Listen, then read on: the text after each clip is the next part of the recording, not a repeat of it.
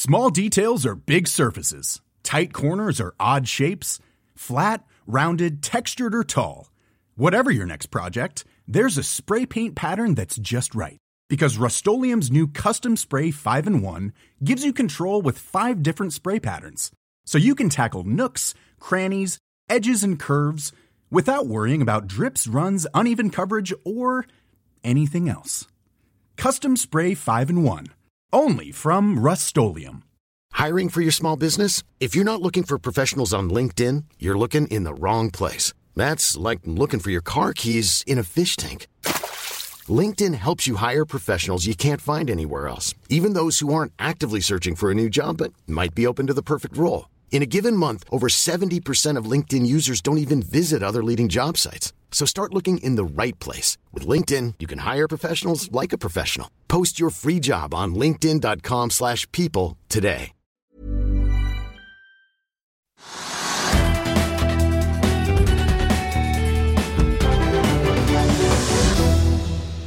Velkommen til Økonominyhetene på denne fredag 21. oktober.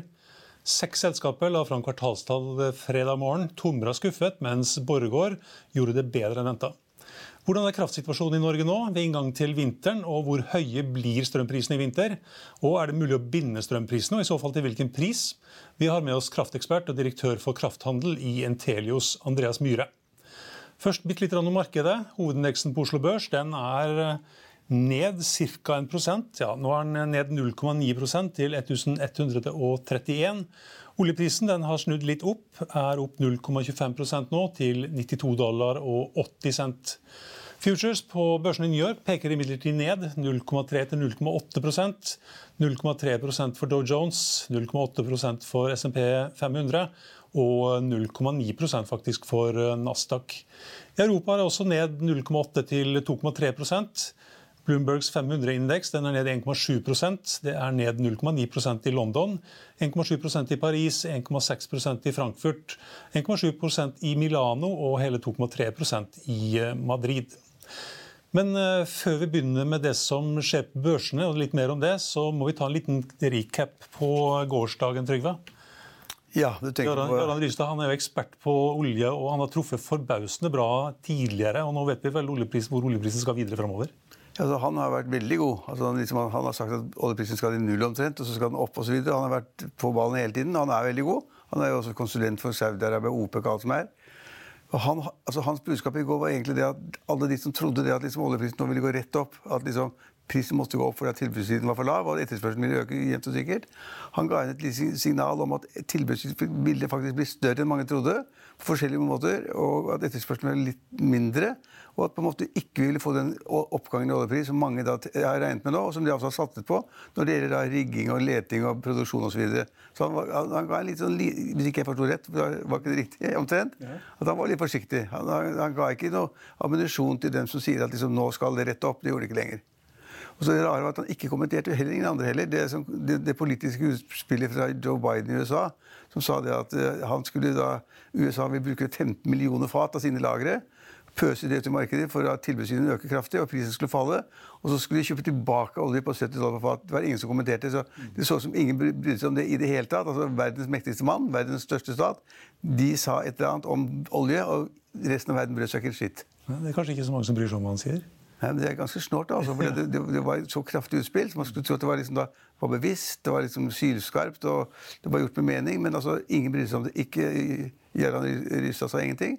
Og de andre deltakerne i panelet sa heller ingenting. Og makroekspertene våre sa heller ingenting. Så de avfeide da Joe Bidens utspill, og det, var, det synes jeg var ganske interessant. Men, men, men, men, det er jo for så vidt i tråd med det eh, Rystad sa, at liksom, det er ikke sikkert at tilbudssiden blir så stor. Vær litt forsiktig sånn.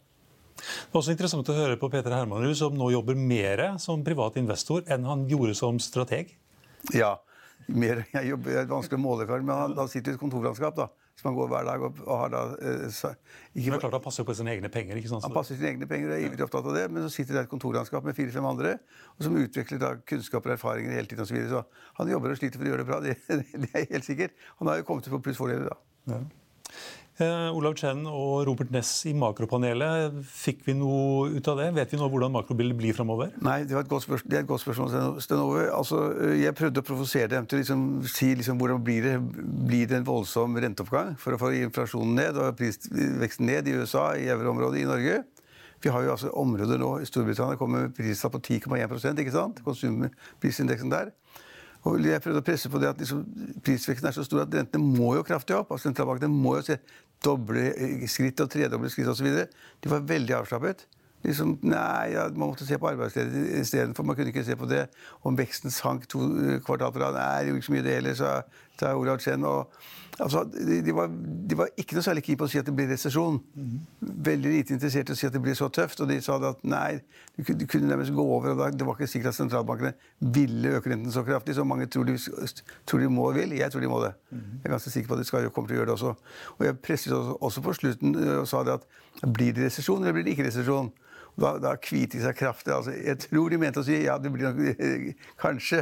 Men de turte ikke si det, de ville ikke si det. Så de, de holdt igjen og sa at det blir ikke slik at verden blir mye dårligere fordi at renten går opp overalt. altså Alle sentralbankene hever styringsrentene, og så må de andre bankene da heve rentene. Og så må da folk forbruke mindre, og aktiviteten i økonomien går ned. Det er liksom skolelærdommen. Mm. Det vil de ikke si. De holdt igjen. Jeg vet ikke helt hvorfor. Nei. Kanskje, kanskje, de vil roe ned, eh, roe ned, kundene sine litt? Grann, at ikke det skal bli sånn tilløp til litt sånn uro og panikk? Ja, fordi at hvis man også tror da at det forvalter jo store formuer. altså De forvalter mye penger? Masse penger. altså De forvalter uh... Solan er vel nær, nær 1000 milliarder? Men jeg tror ikke han forvalter alene. altså Olav Chen har et annet fond. så jeg skal si at De to kanskje forvalter 300-400 milliarder kroner i, i aksjer og rentepapirer. Det er veldig mye. Det kan godt tenkes at de tenkte at liksom, det er ikke noe vits i å få rønn, altså rønn på salgssiden. De holdt igjen. For hvis man tror altså hvis man tror, og, og Britisk økonomi er jo kjempesvak.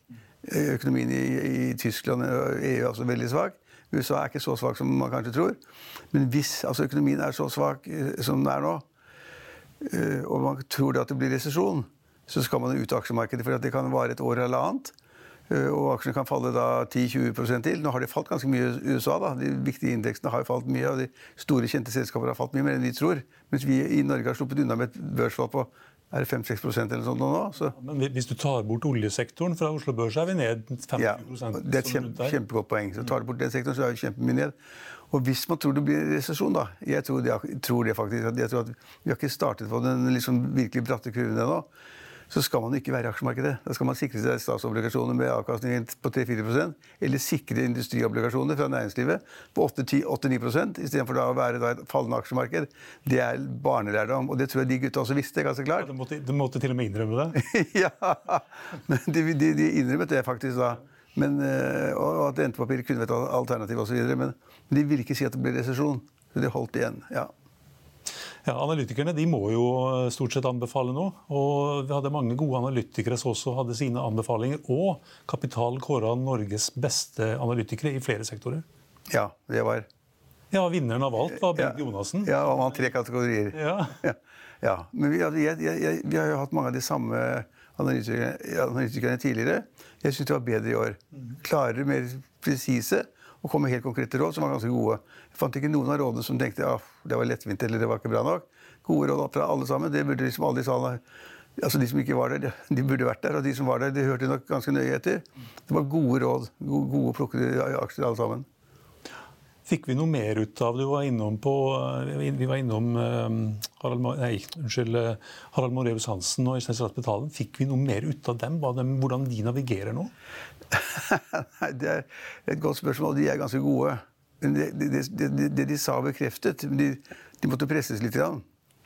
Det var det at de er inne i oljesektoren, energisektoren. Eh, Spetalen da fant vi da papirer på tidligere som viste at han hadde vært der inne på tanken allerede for et år siden og komme kraftig inn i den sektoren og gå inn på olje og gass. og Kanskje han har vært inne i dens veien mot å plassere pengene i olje og gass. Kanskje han har vært der i kanskje halvannet år eller sånt nå. I hvert fall eh, et, år, det er helt sikkert. Hvor han siden har vært long i olje, long i gass og long i boring og alt som, alt som har. Så de to er fortsatt innen energi. De tror at det vil bli mindre etterspørsel etter arbeid eller sysselsetting når det gjelder fornybar energi. At liksom den, all den altså kunnskapen eller kapitalen eller hva det måtte være som har gått mot fornybar. Det har ikke gitt noen resultater. Det koster for mye. det er ingen som vil være der. Og at markedene av de forskjellige markedene vil snu seg mot olje og gass. Det er helt riktig. det er det vi har sett i Norge. Så de er der ennå. De har ikke solgt seg ut. De er der ennå, de tror på det, og de tror de kommer til, de tror de kommer til enda mer penger ved å bære olje og gass. Mm. Så det eneste som kunne ramme øh, øh, Moritz Hansen og hospitalen, det er det hvis oljeprisen faller kraftig. Hvis den faller fra 92-93 dollar på fat til 70 eller 60 eller sånn, da er, liksom, da er, jo, da er alle deres fortjenester borte og innsatsen borte. Mm. Men de tror ikke noe på det i det hele tatt. De tror øh, helt åpenbart, som hospitalet var inne på, at oljeprisen er sterk og den kommer til å være der, og at etterspørselen må økes innen øh, fossil energi for det er det verden må ha. Man klarer ikke å bygge nok av fornybar. Det er litt i strid med det kom ikke opp under konferansen, det er litt i strid med det Rystad sa. For han sa jo det at liksom fornybar kommer veldig fort og mye større enn han hadde regnet med. Eh, det var også Finansavisens 30-årsjubileum. Og du delte ut en, eh, ja, en, ærespris. Det var en ærespris. Som prega de 30 årene. Ja, og det, det, det, ja, det syns jeg var ganske interessant at vi fikk gjøre. For eh, vi ga, ga, da litt heder til skipsleder Jon Fredriksen, som er altså helt utrolig. For altså, han begynte som bud han, i et lite meglerfirma en eller annen gang på begynnelsen av 70-tallet. eller noe sånt. Eh, og, og, så flyttet han fra Norge i 1978. Og så flyttet han så ble borger av Kypros i 1986. Og han har det altså frem til nå og jeg sa det i en liten hyllestale til han, så sa jeg det at, at da, ble, da, da, da, Finansavisen ble etablert i 1992, så hadde han en formue, slik vi regnet ut da, i Finansavisen, på 3 milliarder kroner. Og nå er da kapital regnet at formuen er på 124 milliarder. Så det er et fantastisk løft, en utvikling som nesten ikke er til å forstå. Og så ville jeg få frem det som jeg syns er ganske viktig ved, ved Jon Fredriksen. og det er det at han åpenbart opptrer på en litt annen måte enn mange andre redere. Enten er andre redere i tank eller tørrlast eller i gass eller hva det måtte være, eller containertransport, biltransport. Og der er de nesten hele livet. Særlig var det i tank og tørrlast i gamle dager da når jeg var ung.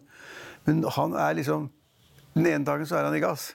Og så kan han liksom kontrahere ti skip, eller tørrlast, eller 20 skip. Og så tar han ikke levering av alle skivene og har liksom eh, høytidelige seremonier og dåp og greier å holde på og surre med det. Og så setter bort skivene og greiene til 20-30 år. Men han, kan godt kontrahere ti skip og en eller annen greie. Får levert to, så har han åtte som skal levere siden. Så selger han de åtte kontraktene. Og tjener masse penger på kjøp og salg. Og gamle skipsleder Bergesen, som var død for lenge siden, da, han sa det at det var ikke mulig å tjene penger på skipsfart på ratene i markedet når de gikk og gikk frem og tilbake. Det var kjøpene og salgene som ga de store gevinstene. Og Jon Fredriksen har tatt det helt til det ytterste ved at han da kjøper og selger hele tiden. Og gjør kuler hele tiden og ofte, men har også tapt. Han blir sittende med for mange skip eller får ikke solgt dem eller prisene er for lave. Men i, i, systematikk så er han villig til å ta bets på at noen skip går da han er god. Og fordi han er så god og rik, så kan han gå til verftet og si kan jeg bestille ti skip av den, eller 20 skip av den typen der, eller ti nye mm, product carrier, eller hva det måtte være. Så får han de kontraktene. For han er sikkert god til å forhandle på det, er gode folk på det. Og så sitter han der, og så plutselig så kommer en annen inn døren og sier liksom, du, har ikke du fem product carrier for mye? Du skal få 50 millioner dollar per stykk, du betalte bare 30, ikke sant? Og så, selger han. Så det er det ene at han er ukonvensjonell i den forstand at han kjøper og selger ganske mye, bestiller mye og tar sjanser. Det, man regner på det selv, aner jeg ikke. Men for andre som regner for seg, det vet jeg heller ikke. Og så har han tatt et skritt til, som er ganske viktig, som jeg syns var en ærespris verdig. Han har liksom puttet penger inn i norsk landbasert eh, virksomhet, sånn som da Movi. Eh, og også annen fast eiendom, store eiendomsselskaper. Og da man trengte penger i Norwegian, det tenkte man virkelig, altså Norwegian holdt på å gå konk, så var han der, der i redningsoperasjonen og la hvis jeg husker, nesten 1 milliard kroner på bordet. Så for det første er han stein rik. Åpenbart veldig eh, egenrådig. Har et nettverk av direktører. De skifter litt ofte, kanskje. da. Kanskje, de, kanskje de ikke enige med han hele tiden. Krevende å jobbe for, kanskje? Ja, krevende å jobbe for. Men, men uh, han har Han stiller krav til sine medarbeidere? Ja, han stiller veldig krav. Og hvis da du blir ansatt der, så får du beskjed om at liksom, du skal jobbe da, i hans uh, hans uh, skal vi si da, sentrale selskaper. da. Hvis du får en jobb der, og sånn, hvis du da ikke leverer i løpet av noen måneder, så slutter du. Jeg vet ikke om de da får veldig godt betalt for det, men, det er, men, men da slutter de. Og så var det en siste ting. det var det at Han da på en måte har gjort noen kuler som nesten ikke er sanne. Han var jo stor aksjonær i, i et LNG-selskap, Golar LNG. og Så solgte han alle sine aksjer, og så fikk han 11 milliarder kroner for det. ikke sant? Og, og vet, hvor, han, hvor han samler på pengene, vet jeg ikke. Om de er i London eller på Kypros, eller hvor han måtte være, men han har jo da en enorm formue. Og så har han sluppet av døtrene sine litt til. Det er også positivt. Det fikk jeg ikke sagt i går, men han, den ene sitter i en rekke styrer, den andre er jeg ikke helt sikker på. Men, eh, så han er en forunderlig skrue. Og så hadde han, eh, det sa jeg ikke noe om på møtet, ville være litt snill og hyggelig også. eh, Som jeg ville være. Men jeg kunne nevnt episoden at på 80-tallet hadde han problemer da, da krigen mellom Iran og Irak var.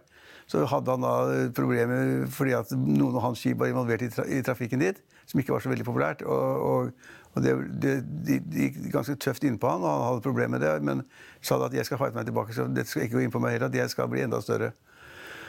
Så i sum så hadde vi en ærespris for første gang. Fordi at eh, vi skulle markere at vi hadde holdt på i 30 år. Og, den, og han er i dag Finansavisen Finansavisens spalter i det uendelige. altså Det går nesten ikke en dag at ikke vi har han i spaltene. Kanskje minst tre ganger i uka i hvert fall. Fordi at han er sentral, han er aktør, han er i shippingmarkedene. Vi skriver masse om shipping.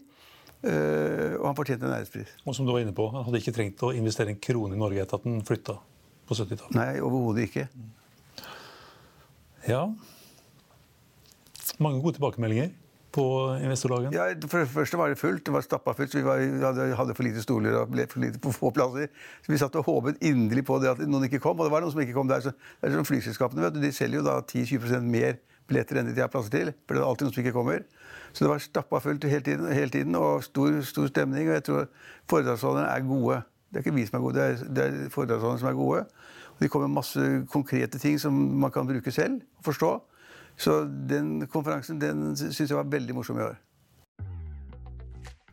La oss i Finansavisen hjelpe deg med å holde deg oppdatert på alt som skjer i finans og næringsliv. Hver morgen er jeg, Marius Lorentzen, og aksjekommentator Karl Johan Målnes på plass i studio for å ta tempen på dagens marked i Børsmorgen. På ettermiddagen oppsummerer vi alt du trenger å vite i økonominyhetene, og så får vi selvfølgelig besøk av masse interessante gjester. Du finner oss på fa.no-tv, eller ved å søke opp Børsmorgen og Økonominyhetene der du hører på podkast.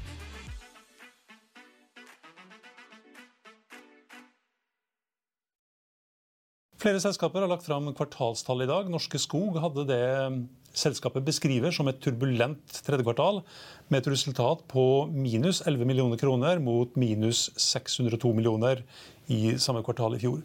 Ebita på 508 millioner var bedre enn i fjor, da var det 111. Driftsinntektene var også bedre, 3,6 milliarder mot 2,6 milliarder.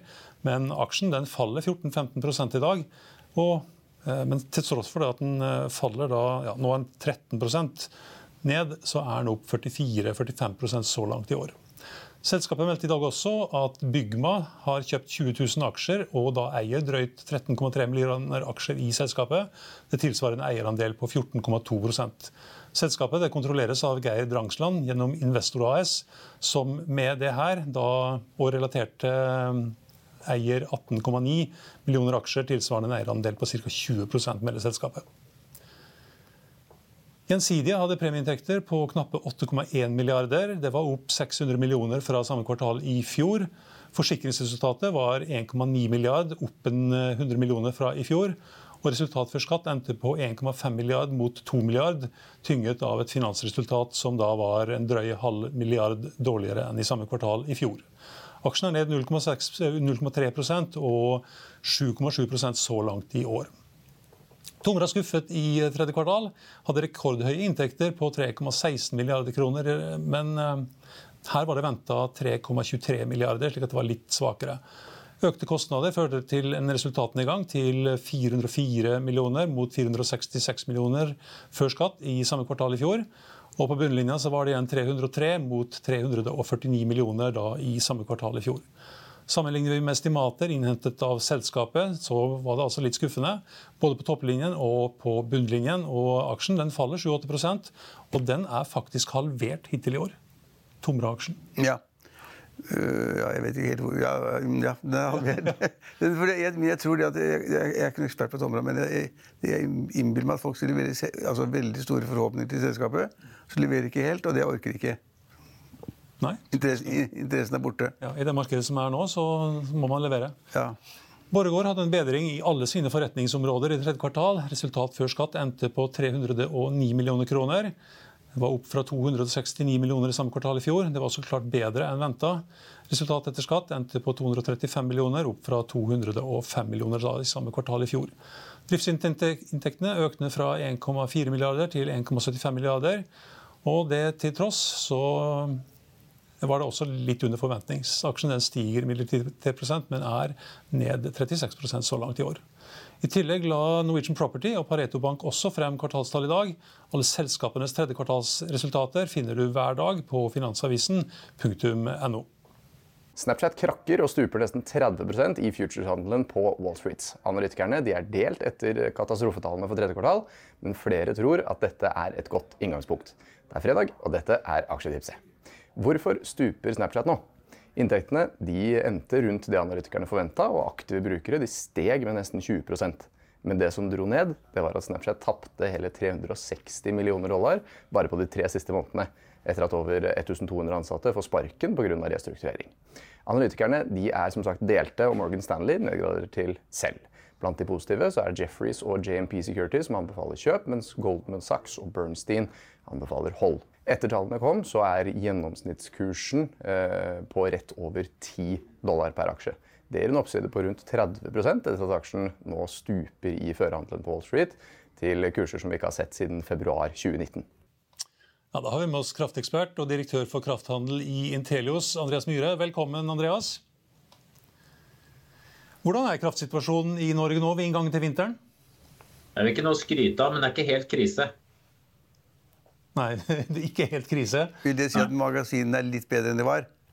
Ja, Nå har vi fått en oktober som løfter magasinene ganske sånn 10 prosentpoeng. Så her i Sør-Norge, da, eller dette prisområdet 2, så har det gått opp ganske betydelig siste uke. Og nå er da den rasjoneringsfaren over. Så nå klarer vi oss gjennom vinteren til alle solemarkene. Det er svært lite sannsynlig at det går tomt da. Men eh, prisene de eh, kan vi vel ikke være helt trygge på at de vil være på et fornuftig nivå? eller fornuftig Nei, det er jo det at Den fyllingsgraden er ikke alltid så betydningsfull for denne strømprisen. så det, Alle har vel fått med seg litt at strømprisen har vært ganske høy, men den er faktisk eh, betydelig på vei ned for det som kommer til å gjelde den vinteren skal, som vi skal inn i nå. Og det er litt preget av eh, ja, litt sånn overskudd på gass og litt forskjellige ting. Og en så ikke fullt hyggelig sak, men en type resesjon som er på vei her. Men, men, men altså, er, ikke, er ikke strømprisen nå rundt 4 kroner per kilowattime og 5 kroner på begynnelsen av neste år? Er, vi snakker om 4-5 kroner, eller er det lavere nå? Nå er de lavere. Nå har vi gått ned til eh, i Sør-Norge, hvis vi holder oss der, så er vi gått ned kanskje til en eh, tre kroner i forventning til vinteren. Og de tyske prisene har gått ned De har gått ned med fra det verste punktet, så har de gått ned med 7 kroner kilowattimen for året 2023. Men, men, okay, men tre kroner til, til begynnelsen av neste år, hva er det nå da? Er det to? Akkurat i, for eksempel, i, i morgen så kommer det til å være under 1,5 kroner, 1,4 kroner kilowattimen i Sør-Norge. Det er fantastisk. Men kan man da slutte langsiktige kontrakter til det også?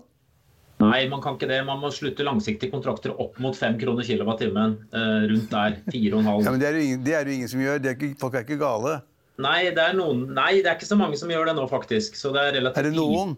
er det noen som ja, det er noen, kroner? Ja, for det er et potensial at uh, dette kan gå galt uh, holdt jeg på å si, hvis Europa har en kald vinter og, og, litt forskjellig på denne gasstilførselen som vi har snust på med Nord Stream hit og dit og en med det andre. Så kan det gå galt, og særlig rundt denne mm, kraftsituasjonen i Europa generelt, da, hvor da Frankrike har, har årets nøkkelposisjon for å lose europeerne gjennom. Hvis ikke så er det en, eh, en, en ganske stor kraftkrise på gang på strøm. da. Det er jo da den, ja, unnskyld. Mm. Hva skjer hvis det blir lite snø i eh, fjellheimen i Norge? Nei, Da ender vi opp på litt høyere priser enn det kontinentale eller Nordvest-Europa gjør. da, Som nå ligger på ja, 3-4 kroner inn mot, uh, inn mot, vinteren. Og det er det samme prisnivået som vi ser for oss skal være. Så det skjer ikke noen store forandringer uh, avhengig av nedbørssituasjonen for den, den, vinteren vi skal gjennom nå. Altså januar og februar, som er liksom det tøffe, da. Mm. Men, men, men bare komme tilbake til eh, prisene fre, nå og fremover. Altså, mine hoteller, det er ikke mange, men de, de, de har Til hvilken pris burde de slutte sine kraftkontrakter? Ja, De bør ikke slutte de på 3,5 kroner, for det syns ikke vi er levedyktige på et samfunn. og derfor, eh, Det er også årsaken til prisene går ned. så Da er det jo en del konsumenter her som velger rett og slett å skru av kraftproduksjonen. og Det er det, det, er det litt sånn ikke ålreite bakteppet her da, som, som, duker for en ganske betydelig resesjon. og Det er da i, i full gang nedover i Europa. Men da får du også prisresponsen på, på lavere priser. Så jeg vil si alt over liksom 1,5-2 kroner, det, det, er, det, klarer ikke samfunnet. Så det er ikke vedvarende. Så du bør ikke begynne noe strømpriser høyere enn det, etter min mening. Nei, men Så da skal man vente til en pris rundt en krone eller sånn, da? Eller litt under en krone? Ja, gjerne det. Så kan du vente ti år på det, da. Men uh, hvis du Nei, skal nei, vinne nei, skal vi, vi skal vente kanskje en måned eller to. eller tre. Hva, hva Nei, gjør man om to eller tre? Du kan binde år 24 for 1 krone og 20 øre, f.eks. Så det er ikke verre enn det. Ja. Vi skal over denne sjauen, kall det det. Så 2024 på rundt 1 krone og 20 øre? Ja, noe Det er sånt. mulig. Ja. Alt under 1,50, eller en mellom 1 og 1,50 kan det komme, avhengig av en god og dårlig dag, da. Ja, på hvor lang horisont da? Ja, da får du en, eller en årsbinding for året 24. Ja. Men det, men det er jo samtidig dobbelt så høy kostnad som alle er vant til, bare så det er notert. Og kanskje Ja, mer enn det også. Tre ganger. Ja, for, ja, for de fleste har vel pleid å ha 40-50-60 øre. Korrekt. Hva skal til for at vi skal komme tilbake, hva skal til for at vi skal komme tilbake til de nivåene vi var vant med? 0 til 40 øre? Da må gass, eh, eller gassstrømmen fra Russland åpne. Vi mangler så enormt Hæ? Ja, da faller det så langt. Da er det boff, så er det tilbake igjen. Det er bare ti sekunder. Hvis det er en troverdig gjenåpning, kall det det. da. Hvis du, hvis du stoler på de som, at de fortsatt vedvarer, så, så vil også terminprisene falle. Og da er, det, da, da er prisen på strøm igjen 25 øre. Og da får vi en overreaksjon, for å si det sånn. For da har vi fått en del da har vi fått litt forbrukstilpasning og litt bevissthet og litt forskjellig. Da, og, og økt produksjon og økt LNG og litt sånne ting. Så da er det plutselig for mye av energien inn til Europa. Ja, Og vannkraften i Norge koster jo ikke mer enn 10 øre per kilowattime. Det koster nok noe mer med det, for du må låne noen penger for å holde alle disse, disse rørgatene i orden. Det er ikke gratis, skal jeg love deg. men, på, på marginal basis, for å få la den snurre en gang til, så koster det to øre en, en turbin. Ja. Men sånn snittpris Man snakker om ti eller, 10 eller 11 øre, men det er, det er for lavt, egentlig, det, da. Ja, er du gal. Det, er- det er bare tull. Altså, det, det er jo snakk om da på en måte at hvis du skal dekke kostnadene for et eh, etablert kraftselskap med nedbetalt, masse nedbetalte kraftverk, men allikevel en gjeldsportefølje, så er vi sikkert oppe i 30 øre for break-even. Okay. Hvis jeg bare gjetter. Ja. 30 øre? Tre ganger så mye som det vi har trodd? Ja. Ja, nettopp. Tre ganger så mye som vi har trodd, ja. Statkraft, for eksempel, da. Hvis jeg skulle gjette. Ja, Statkraft, for eksempel, hvis jeg skulle gjette. Ja, riktig. Og, og strømprisen i snitt i Norge de siste 20 åra er 36 øre. Så det er ikke noe sånn supermargin, altså. Mm. Var det noen av kundene dine som bandt eller låste strøm, strømprisen på fornuftige, gamle strømnivåer? Ja, ja.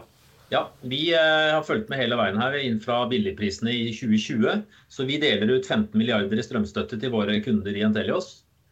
Som, da, som er da fordelen for å ha en fastpriskontrakt kontra å være i dette spotmarkedet gjennom den vinteren og, og det vi har opplevd nå gjennom sommeren. da. Da har du sikkert gjort det sjøl òg. Nei, jeg gidder ikke det. Jeg bare- skrur ned forbruket mitt. jeg. Og jeg kan ta ned, jeg som privatperson, jeg, kan ta ned, jeg har faktisk tatt ned forbruket mitt i husholdningen med 40% Så det går an.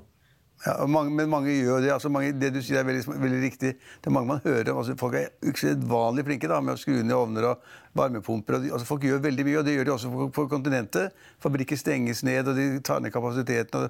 Folk er veldig flinke.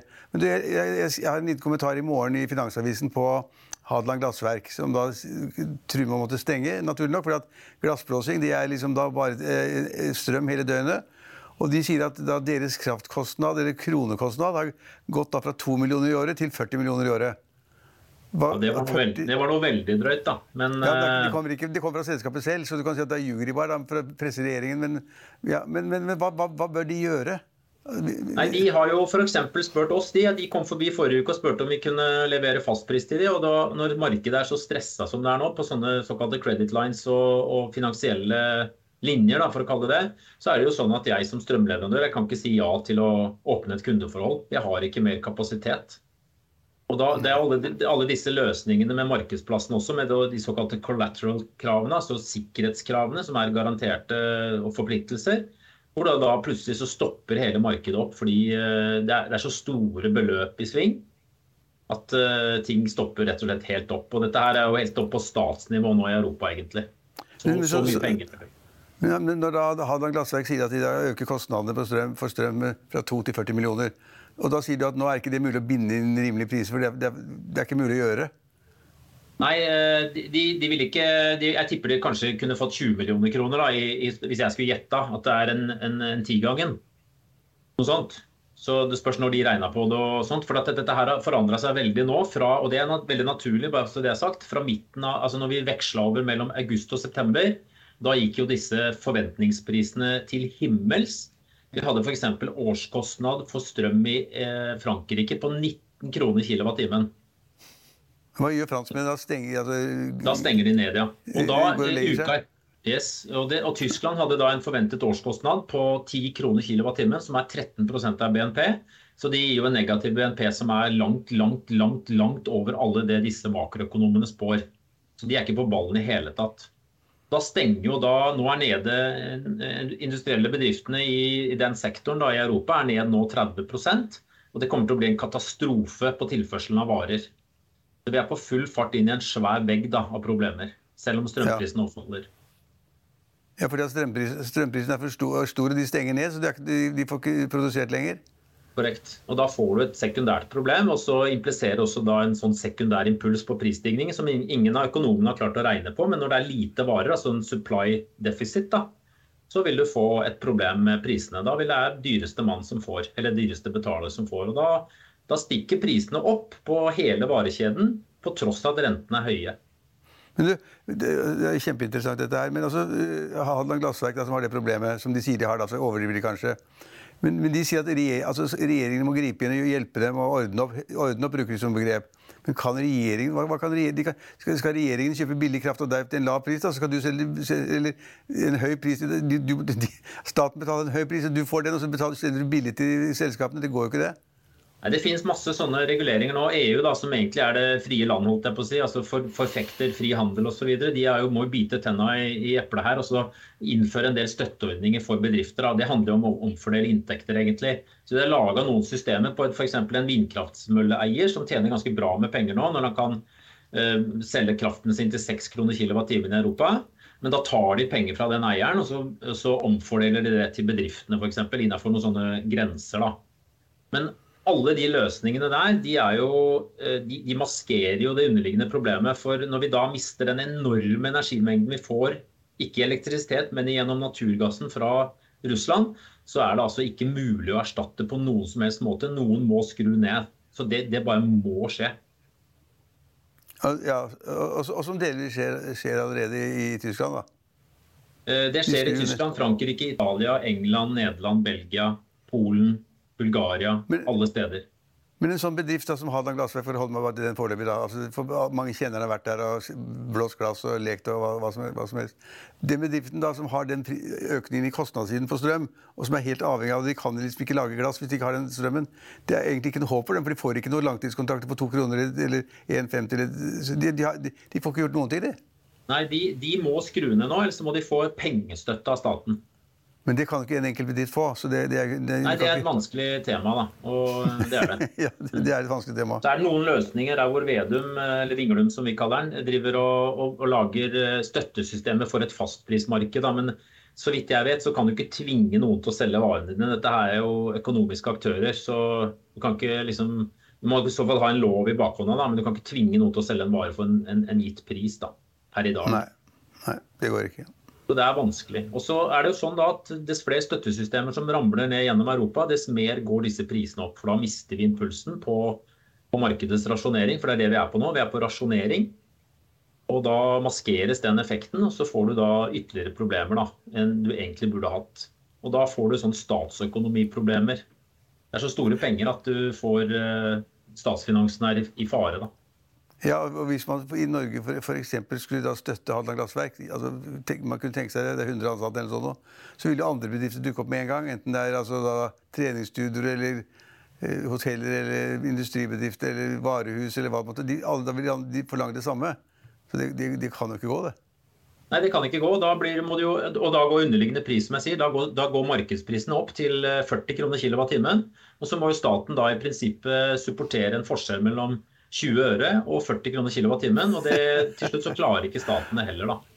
Så Der skal de være forsiktige med å gå på den veien. og det, det, Dette handler ikke om penger, egentlig. Det handler om at noen må skru av. Og Det kan du gjøre med en sånn plan. altså Du kan si at de og kvinner og barn først og sånn og sånn. Og den som må ta den skjerven i Europa, det er jo, det er jo industrien. Masse av mm. naturgassen går til oppvarming og koking for eh, husholdningene. De kommer til å bli skjerma, så de kommer til å ha prioritet. Så er det da bedriftene. Så nå er alt der nede nå av kjemisk, av stål, av pulp and paper, av, av agri, av alt mulig, er på full fart ned. Og, ja, det... om Europas marked fryser til da, på konsumentsiden i tillegg, med da ingen bilhandel, ingen eiendomshandel, ingenting. Hjelp! du, du, følger jo helt sikkert eh, med fra time til time og alt som skjer i hele Europa, Andreas. Og eh, Det sitter sikkert langt inne å åpne opp igjen noen atomkraftverk i, i, Tyskland. Men hvor mange atomkraftverk måtte åpnes for at vi skulle få en mer normalisert og normal pris? Ja, vi mangler, I Europa da, så mangler vi en energimengde tilsvarende 500 TWh, som er det hele nordisk, like mye elektrisitet som Norden i sin sum for, forbruker med all sin tungindustri. Så, og Det er ikke mulig å erstatte på kort sikt på noen som helst mulig måte. Du kan ikke subsidiere det med import, ikke på varehandelen, ingenting. Så eh, nei, hvor mange kraftverk du måtte hatt for å lage 30 TWh? Det er hundrevis av, av eh, nuclear power plants, og det, det finnes jo ikke den dag i dag. Og så har du i tillegg da, den, den, parken som er der fra Frankrike. altså De har den nest største eh, kjernekraftflåten i verden. Den er nede med 60-70 av den er nede nå pga. feil. Det er gammel drit, for å si det rett ut. Det er noen som sier at den, eh, den strømproduksjonen vi har i Norge, da, den er omtrent lik det samlede forbruket vi har i Norge. Det, er liksom even. Vi produserer ja. strøm, og det er omtrent det forbruket i Norge. Så hvis vi stengte alle kabler og ikke gjør noen ting, så hadde vi nok kraft innen Norge. Ja, men da får du gjøre det. Jeg vil ikke være med på det. For jeg vil ikke eh, sette Europa alene nå i den situasjonen. For dette handler mer enn om strøm. Dette er en sikkerhetspolitisk sak som eh, det gjelder å stå sammen. For ellers så får du en, eh, noen på besøk eh, litt nordover i landet plutselig, og da er det ingen som vil hjelpe deg. Så da, det får du gjøre. Jeg blir ikke med. vi, får, vi, får, håpe at det eneste håpet jeg hører, jeg hører, Det er fantastisk morsomme tall og, og resonnementer. Men det eneste vi kan håpe på, er at noen tar livet av Putin. Da, da, da, da gassen flyter si, igjen. Da, det skjedde noe når, når han, han, kjørte sin mobilisering nå, så skjedde noe, for da viste han, eller det ble vist da, en veldig splittelse rundt den saken internt i hans land. ikke sant? De, de, de brant jo rekrutteringsoffiserene, de skøyt jo rekrutteringsoffiserer. Så eh, Vi tror ikke han klarer en tredje mobilisering når en eventuelt den skulle måtte komme. Og Da er det naturlig å tenke seg at det er en sånn 180-gradersgjeng som går på, da, som sier unnskyld og gjenoppbygger og skrur opp kranene. Så er det da bare spørsmål om hvor stor tillit du har til det. Og så er det å håpe på hvis det skjer, at det, er, eh, at det, varer lenge nok til at Europa klarer da å gjenoppbygge sin fornybare fornybarindustri eh, til det punktet som de egentlig sikta på var 2050, men da kommer til å opparbeide seg mye før da, for å bli uavhengig av Europa, eller russerne. Men strøm, strømprisen faller som en sten? Den faller nå på utkobling og rasjonering, ja. Og så i tillegg da har det vært litt vind og litt mildt. og men hvis vinteren blir kald her og kjernekraften svikter og sånn, og det er masse støttesystemer, så blir det ordentlig grisete. Ja. Men da, da, blir du heller ikke slalåmbakker i Norge. Da. Så noe, du liker sånn, Nei, og i, i, denne situasjonen så skal du egentlig ikke bruke elektrisitet til, å, til å, å, lage snø. Du skal sende den til Europa og folde hendene og støtte de med alt du kan. Så får vi heller gå litt på natursnø akkurat denne vinteren. Ja, det, men det, ja, det, det, er din mening, men det er ikke sikkert alle de som eier de skibakkene i Trysil og Hafjell og Hemsedal og Geilo, de er ikke enig i det. De ligger bare nå i startgropa. De får lages ned hver dag som kommer nå. Ja. Vi har, vi har snakka med alt, samtlige bedrifter i Norden i 20 år. så Alle, alle har jo takka nei til en fastpriskontrakt som vi har ment er riktig for en bedrift å gjøre. Da, for å slippe å forholde seg til denne type usikkerhet. Nå tok det jo helt av, da, bare for å formilde det litt. Men det er, det er altså strøm og elektrisitet det er en råvare som er basert på mye tilfeldigheter rundt vær og vind. Mm. Og, og, gjerne reguleringer. Da. Nå kommer det jo et skattekrav i tillegg? Som, som forpurrer hele problemet i Norge. Som, som bare lager trøbbel. Jeg har et morsomt eksempel også nede i Drøbak. Det er lenge siden jeg har vært i Drøbak, men det er mange av våre ansatte som bor i Drøbak. Noen bor i Drøbak. Og de er jævlig gode til å gå på ski, så de har sånne langrennsløyper der nede. De regner nå ikke med å få Med de strømprisene vi har nå, så regner de ikke med å få langrennsløyper i, i vinter. Jeg tror ikke det. Jeg kjøper ikke årsport i alpinbakken i år, det skal jeg love deg. bra, bra. For moro skyld, vi var inne på med sparing. Vet dere hvor mye jeg klarte å spare i september? I kilowatt? 20% 20 Du må høre, du må høre det. Spare i strømforbruk eller kroner? Ja, strømforbruk. 50-60 Ja. 54% 50. Dere, da, er vi, da er vi like. Da er vi to. Ja, jeg, jeg, tror ikke jeg har spart noen ting. Altså. nei, du, nei. du må skru av svømmebassenget. Nei, ja, bassenget er stengt. Jeg er enig. Men ellers så syns jeg det er, er for komplisert å gå rundt og ordne opp i de greiene. Nei, bergvarme er uh... Men Vi kjøpte 20 sånne, sånne, varme, sånne varmepumper ja. og sette på hotellene rundt omkring i full fart her forleden. Det tror jeg var lurt. Var, var det lurt? Det var smart. Eh, garantert. Mm. Ja. Tusen takk, eh, Andreas, for at du var med oss igjen. Riktig god helg. Ha en fin dag. Ja, Hovedindeksen på Oslo Børs den er ned 1,1% til 1129,09 akkurat nå. Oljeprisen er opp 0,2 til 92 dollar og 72 cent. På eh, børsen i New York ser det ut til at det kan åpne ja, litt sånn som vi var inne på innledningsvis. Ned 0,6% for SMP 500 og Dow Jones. Og ned 0,1 ja, 0,94 for uh, Nasdaq. Vi kan så ta med litt hvordan det står til i Europa. Der er det omtrent sånn som det var i, da vi starta sendingen. Eh, I Madrid så er nedgangen nå på 2,1% så den henta seg litt inn. I London er det ned 0,8% Vi kan også ta hvordan det ser ut for bitcoin og Ethereum. Bitcoin er ned 0,4% til 18.942 dollar, mens Ethereum er ned 0,5% til 1275 dollar. I Finansavisen i morgen kan du bl.a. lese om vin, skatt og makro, og du får innsikt i porteføljen og ukens aksje. Eh, Trygve Hegnas leder mot stupet med dagens strømpriser. Hanskeprodusenten som ble en gullgruve under pandemien. Karin Hinsbo som leder et museum med en prislapp på over 6 milliarder. Og Motormagasinet, som for mange er høydepunktet hver lørdag. Se bl.a. på denne røde ja, terrenggående bilen her, Jeep. Ja, Det var eh, det vi hadde i dag. Mitt navn er Stein Ove Haugen. Takk for at du så eller hørte på, og riktig god helg. Vi er tilbake igjen mandag morgen klokken 8.55 med Børsmorgen, og håper du er med oss igjen da også. I mellomtiden får du alltid siste nytt minutt for minutt på finansavisen.no.